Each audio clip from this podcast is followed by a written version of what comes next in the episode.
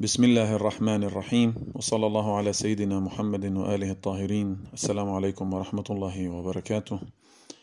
إلهي أنا عبد أتنصل إليك مما كنت أواجهك به من قلة استحيائي من نظرك.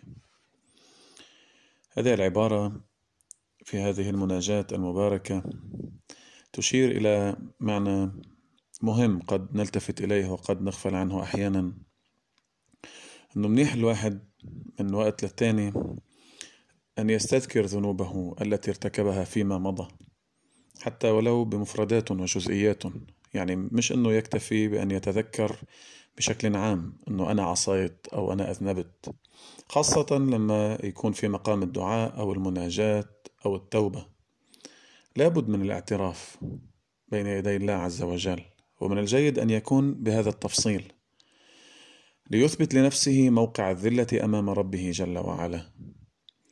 لأن مشكلة المعصية أنها تبقى حرقة في قلب الإنسان. لسبب أساسي واقعا أنه أنا يعني هذا الشعور بيكون وكأني عم أقول لنفسي أنا كيف بستخف بأمر المولى عز وجل؟ يعني أنا مش بس خالفت وعملت غلط. أنا أعتبر تجرأت واستخفيت وهذا أصعب من التصرف الخاطئ نفسه. يعني إذا بدنا نقرب الفكرة مثل مثلا واحد في الغربة وسافر بيو لعنده ليشوفه وتحمل عناء السفر والتعب شوقا لزيارته في المكان الذي هو متواجد فيه. فبيوم هو يعرض عن رؤية والده ما حب يشوفه ما قبل يلتقي فيه لأي سبب كان. إذا افترضنا أن هذا الأب غفر له هذه الخطيئة هذا العقوق هذا الجفاء شفع ابنه من محبته له إلا أن هذا الابن خصوصي بعدين إذا توفي الأب ووعي الابن سيظل يعيش حالة تأنيب الضمير طول عمره. لسبب أساسي وهو استخفافه بوالده وبحق والده. يعني هو مش بس إنه غلطة وتراجعنا عنها. ما في في شعور لاحق في حسرة في حرقة مستمرة. ولكن علماءنا حفظهم الله يبشرونا أن هذه الحالة من الخجل والشعور بالتقصير في حق الله عز وجل والندم على ذلك هي من موجبات نزول الرحمة على العبد.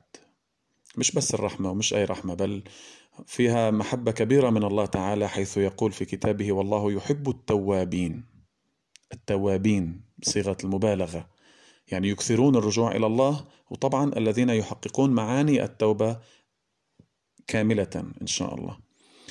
وربما ببركة هذا الشعور المبارك يستطيع الإنسان أن يخرق حجب كثيرة.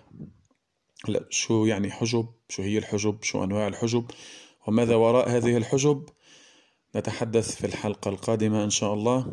والآن أترككم مع المناجاة فلنستمع إليها بخشوع. والسلام عليكم ورحمة الله وبركاته.